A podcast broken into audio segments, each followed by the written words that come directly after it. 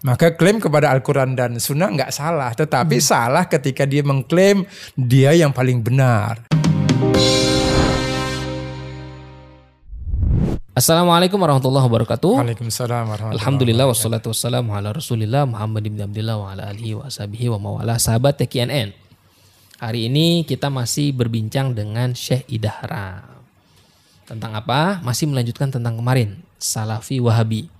Tapi ini bukan untuk memperuncing perbedaan, bukan untuk memperkeruh suasana, tapi kita berusaha untuk mencari titik temu dan mendorong kemajuan umat ya. Bisa hmm. ya? Gitu Ustaz.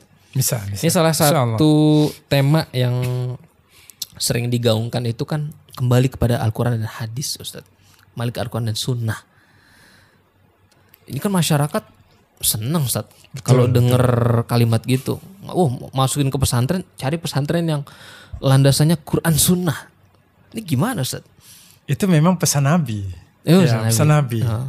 Itu uh, kata Nabi kan tarak tufikum amro ini hmm. lan tadi luma inta masaktum bihima hmm. ala kitab Allah wasun wasunnata rasul atau wasunnati.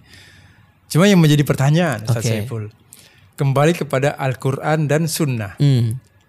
Saya kira dan keyakinan saya, seyakin-yakinnya, seluruh ulama Islam kembalinya kepada Al-Quran dan Sunnah. Oke. Okay. Gitu. Seperti misalkan Imam Abu Hanifah hmm. kepada Al-Quran dan Sunnah. Sunnah. Imam Malik, Imam Syafi'i, Imam Ahmad bin Hambal, maupun ulama-ulama setelahnya.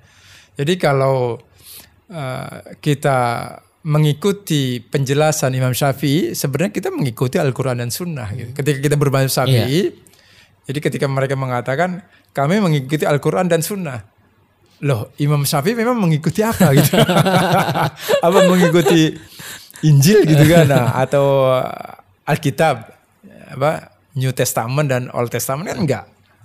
Pasti mengikuti Al-Quran dan Sunnah. Maka jangankan uh, uh, kepada Al-Quran dan Sunnah dalam dua landasan ini saja, ulama mereka sendiri ya, ulama yang mengklaim dalam yang kita bahas ini adalah hmm. tentang uh, Salafi Wahabi.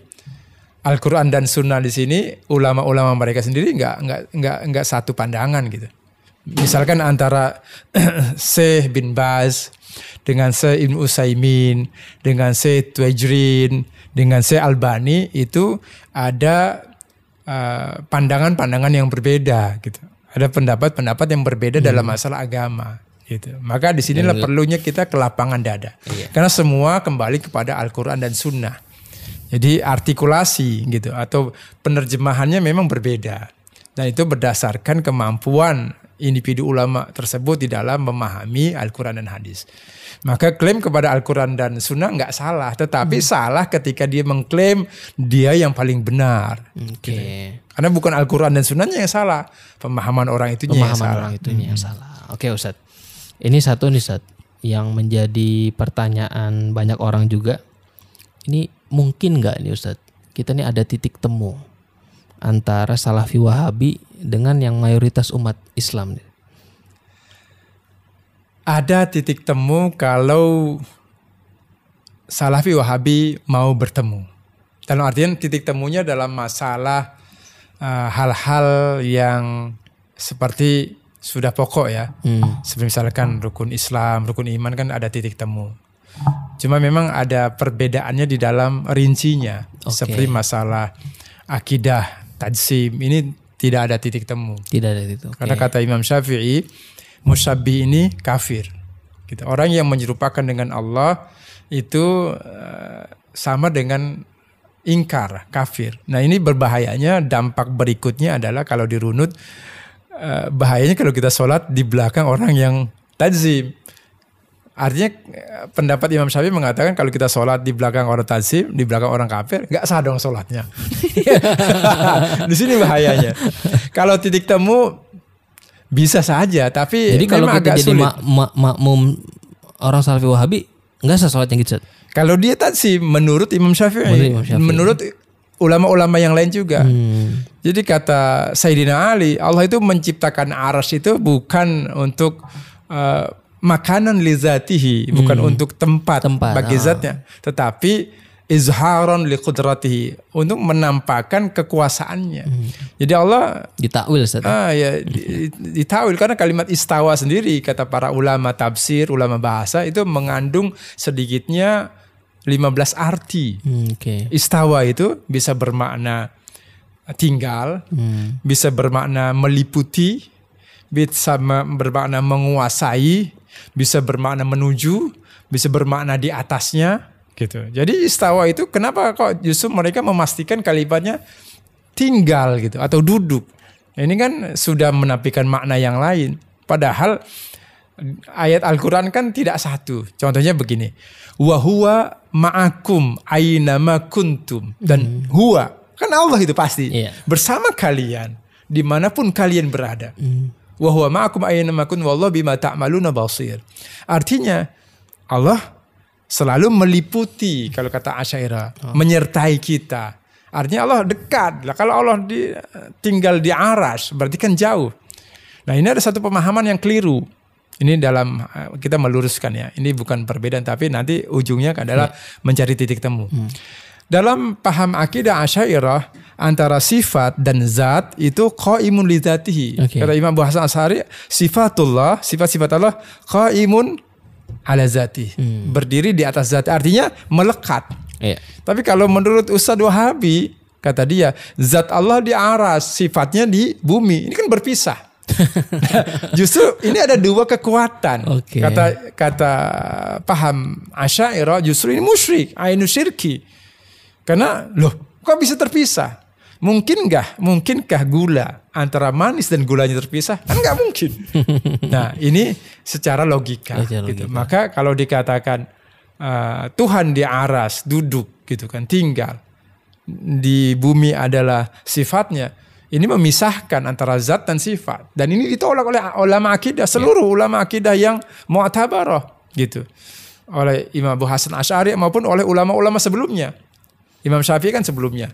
Tapi pemahamannya sama oleh yang di, di, dijelaskan. Jadi Imam Abu Hasan Al Asy'ari ini hanya menjelaskan ulang gitu. Bukan paham baru, justru menjelaskan ulang paham Imam Syafi'i, Imam Malik, Imam Abu Hanifah, sahabat eh, Ibnu Abbas, paham Rasulullah Shallallahu Alaihi Wasallam. Jadi yang perlu diwaspadai itu akidahnya itu Ustaz. Sangat penting akidahnya, Akidahnya. karena kan eh, yang pertama awaluddin, Awaluddin. gitu kan.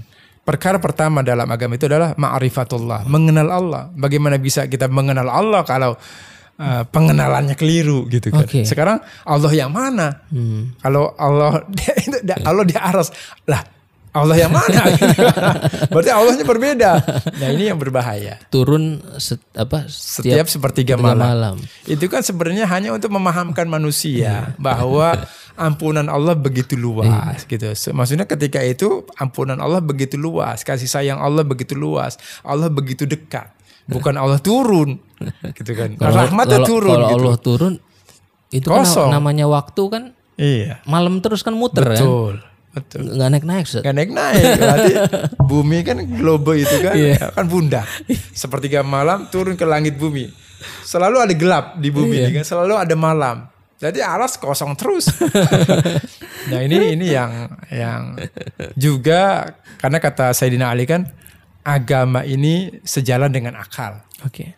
Tapi akal bukan bukan uh, Menafikan. bukan menafikan gitu bukan bukan bukan segalanya Iya. gitu. Tetapi tidak bertentangan dengan dengan akal. Nih Ustaz, nih kembali Ustaz. Tentang Al-Quran Sunnah nih Ustaz, Al-Quran yang sering Sunnah. digaungkan itu kan eh, kebanyakan nih anak-anak kita ngelihat generasi sekarang gitu ya. Anak-anak kemudian di dipesantrenkan Iya. di pesantren Salafi Wahabi ini Ustaz. Iya. Kalau kata Ustaz tadi kan salah satu yang paling penting kita masuk pesantren lihat akidahnya. Akidahnya. Sedangkan orang tua ini yang nggak paham, itu kan dilihat, wah ini pesantren, Quran banget, nyunah banget, gitu kan. Saya masukin anak saya ke sini, gitu supaya nggak sesat, supaya nggak eh, melenceng, gitu. Tetapi justru dia menjerumuskan anaknya, Ustaz. Dan pesantren ini bukan semakin sedikit, Ustaz. Betul, betul. semakin banyak. Makin banyak. Makin menjamur. Uh-uh. Nah inilah barangkali Ustaz Saiful yang menjadi eh, kesalahan mindset sebagian kita. Hmm. Orang-orang ya, ya, eh, keluarga-keluarga kita. Memahami orang yang hafal Quran itu pasti masuk surga. Belum tentu. Hmm, Oke. Jadi, karena kata Nabi kan menjelaskan dalam hadis Sahih Bukhari, saya khruju qaumun pi akhir zaman akan muncul suatu masyarakat kaum di akhir zaman. Ahdasul asnan. Gitu. Dia usianya muda. Oke. Penafsiran, penafsiran beberapa ulama eh, pergerakan yang muda atau ustadz-ustadz yang muda atau pola pikirnya sangat Belum matang. belum matang. Ahdasul asnan, sufahaul ahlam. Sufaha ini bodoh, idiot. Cara berpikirnya. Oke, oke. Jadi kata para ulama, bagaimana idiot maksudnya? Dia paham, dia hafal Al-Quran. Dia hafal hadis, tapi tidak mampu menyimpulkan dari apa yang dia hafal. Jadi buat apa? Jadi Hmm, idiot, cuma hafal saja. Ahdasul asnan sufalah ya ya kata kata baginda Nabi dia uh, yang beruku minadin. Bahkan ba- dalam beberapa redaksi yang lain, dia hafal Al-Quran, yaqra'ul Quran. Oke. Gitu. Membaca Al-Quran, hafal Al-Quran. Tapi yang beruku minadin, keluar dari agama. Artinya banyak dari orang-orang yang hafal Al-Quran, tapi ahli neraka. Gitu. Karena kata Nabi, yang berukum minadin keluar dari agama, dia bukan beragama Islam lagi dihukuminya. Yang berukum minadin kama yang kama yakhruju uh, yang berukum minadin kama yakhruju ar-romiyah. Seperti uh, anak panah tembus dari badan badan binatang buruannya. Oke. Jadi Nabi memisalkan dalam beberapa hadis dijelaskan ar-romiyah, ar-romiyah itu hewan buruan. Dia uh, ar-romiyah jadi fa'ilnya gitu kan. Jadi yakhrujus sahmu minar romiyah. Ini apa as-sahm anak panah tembus. Kata Nabi biasanya anak panah kalau kena badan binatang buruannya itu paling nggak ada darahnya, ada bekasnya, ada bercaknya, ada bulu yang nempel. Iya. Tapi ini kata Nabi jangankan nempel, ini anak panah as-sahmu ini sampai tembus dari romiyah, dari hewan binatang buruannya. Nggak ada yang nempel berarti. Iya, anak panahnya ini nggak ada bekas darahnya, bersih. Gitu. Bahkan kata Nabi, orang ini tidak tidak seakan tidak menyadari, gitu. Seperti anak panah itu keluar dari agama nggak menyadari, nggak ada bekas-bekasnya. Nah, Tapi itu kata Nabi, Ah. kata Nabi, Pak Aina ma lakitumu faktuluhum. Di mana saja kalian jumpai orang seperti itu, bunuh. Bayangkan, masya Allah. perangi maksudnya. Perangi. Menurut penjelasan para ulama, tumpaslah pahamnya. Oke. Gitu. Bukan Tapi kalau orangnya. kalau bahasa Nabi, Iya. bahasa hadis, bunuh Ya, kita harus fikul hadis juga, ya. Fikul hadis. Fa inna lakitumu faktulu fa inna fi qatlihim ajrun ajrun liman qatalahum yaumal qiyamah. Ada pahala yang Allah sediakan nanti di hari kiamat. Artinya Abi- Nabi nggak suka orang seperti itu satu. Yang kedua, banyak penghafal-penghafal Al-Quran kalau akidahnya tidak benar, ahlaknya tidak baik dengan sesama kaum muslimin, ahli neraka. Jadi akidah sangat penting. Jadi jangan wah ini ahli, ahli apa hafal Quran punya eh, hak syafaat 10 betul. Tapi penghafal Al-Quran yang bagaimana gitu. Kata Nabi, penghafal Al-Quran yang amila bihi mengamalkan apa yang ada di dalam Al-Quran gitu. Ya ini ini mengamalkan ini bagaimana?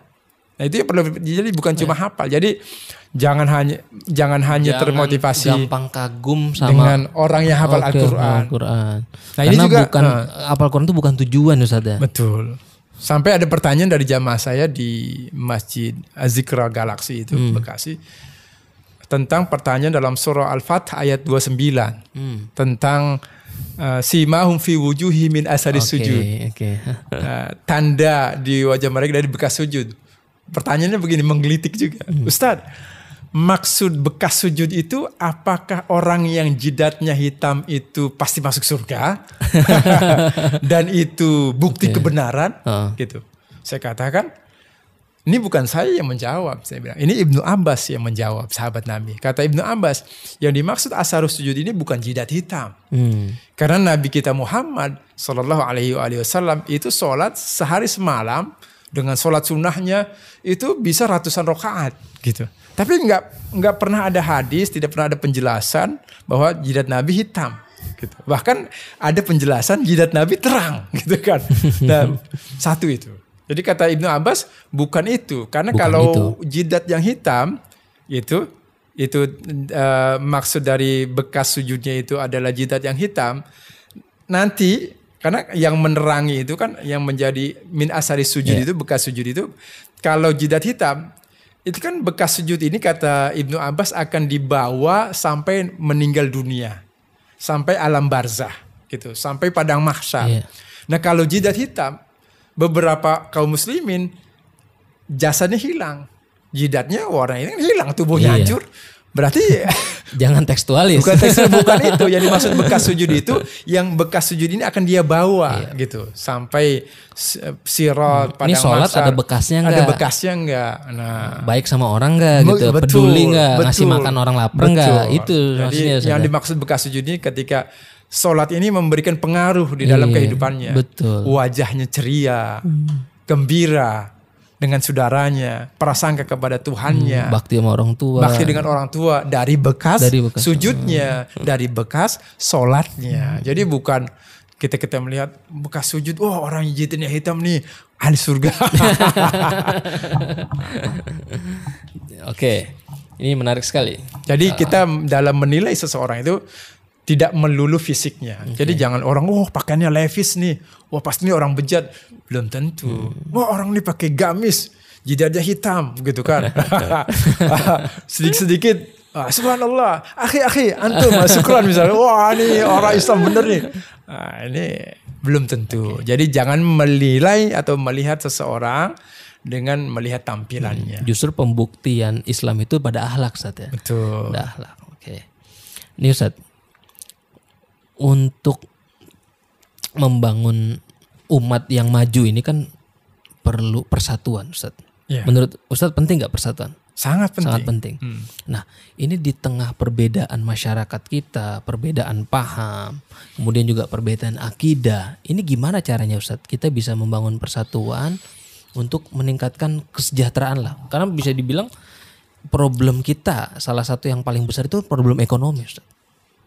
Ketimbang kita membincangkan sebetulnya sesuatu yang bagi masyarakat yang kelaparan tuh nggak penting lah.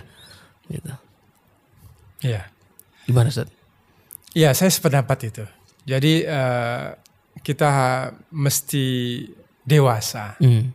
Karena kata Nabi juga, ya, juga menurut para ulama yang lain, bahwa misalkan begini, Nabi mengatakan begini, eh, la yu'minu ahadukum man m- la yu'minu ahadukum man bata sabi'an, tidak dianggap beriman, gitu, tidak dipandang beriman salah seorang kalian orang yang bata syabi'an yang tertidur dalam keadaan kenyang. Wajaruhu ja'iun bidzambihi. Dan tetangganya kelaparan di sisinya. Artinya apa?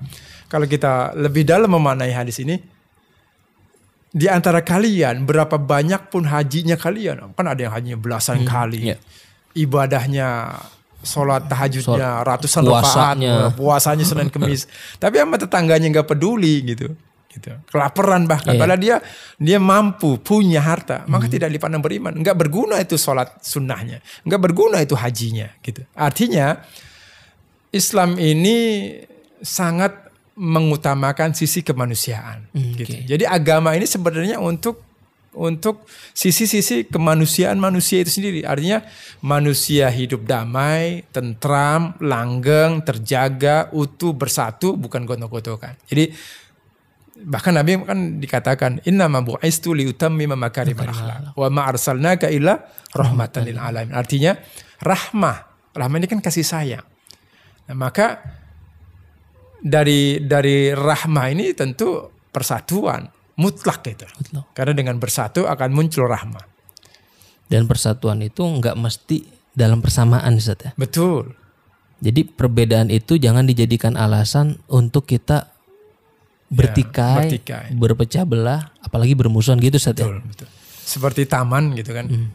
Kita punya taman, kalau semua isinya pohon cemara kan indah. Tapi kalau situ ada Nggak indah. iya, Nggak indah. ada kembang Nggak ros gitu kan, ada lidah buaya, ada Betul, pohon beringin, ada pohon mangga. Tapi kalau semuanya padi, tapi yang dinamakan uh, kebun yang indah itu yang berwarna-warni tapi saling mendukung Hmm. gitu. Jadi secara sikap sosial kita tetap harus rukun, Betul. damai, harmonis, tetapi untuk menjaga akidah ki- anak-anak kita generasi mendatang itu tetap sahih gitu ya, akidah sahihah itu kita harus jaga itu Ustaz ya. Iya. Melalui pemahaman yang lurus. lurus. lurus. Terima kasih Ustaz. Afwan, afwan. Oke, sahabat TKNN menarik sekali bincang dengan Syekh Dahram selama tiga episode. Jadi buat sahabat TKNN di podcast Tasawuf ini jangan nonton cuma satu episode, tapi tonton dari episode pertama, kedua dan ketiga. Dan buat teman-teman nanti yang ingin eh, membeli salah satu karya ini dari Syekh Dahram ini tentang mereka memasukkan kitab-kitab karya ulama klasik. Ini adalah eh, supaya ketahuan kitab-kitab mana saja yang Atau yang ini, atau yang ini sudah juga sudah direvisi. Gitu. Agak tebal. Oke, jadi sahabat TKNN nanti kita akan jumpa lagi di Sabtu mendatang. Saya Saiful Jara, insya Allah masa depan kamu semakin cerah. Assalamualaikum warahmatullahi wabarakatuh. Waalaikumsalam warahmatullahi wabarakatuh.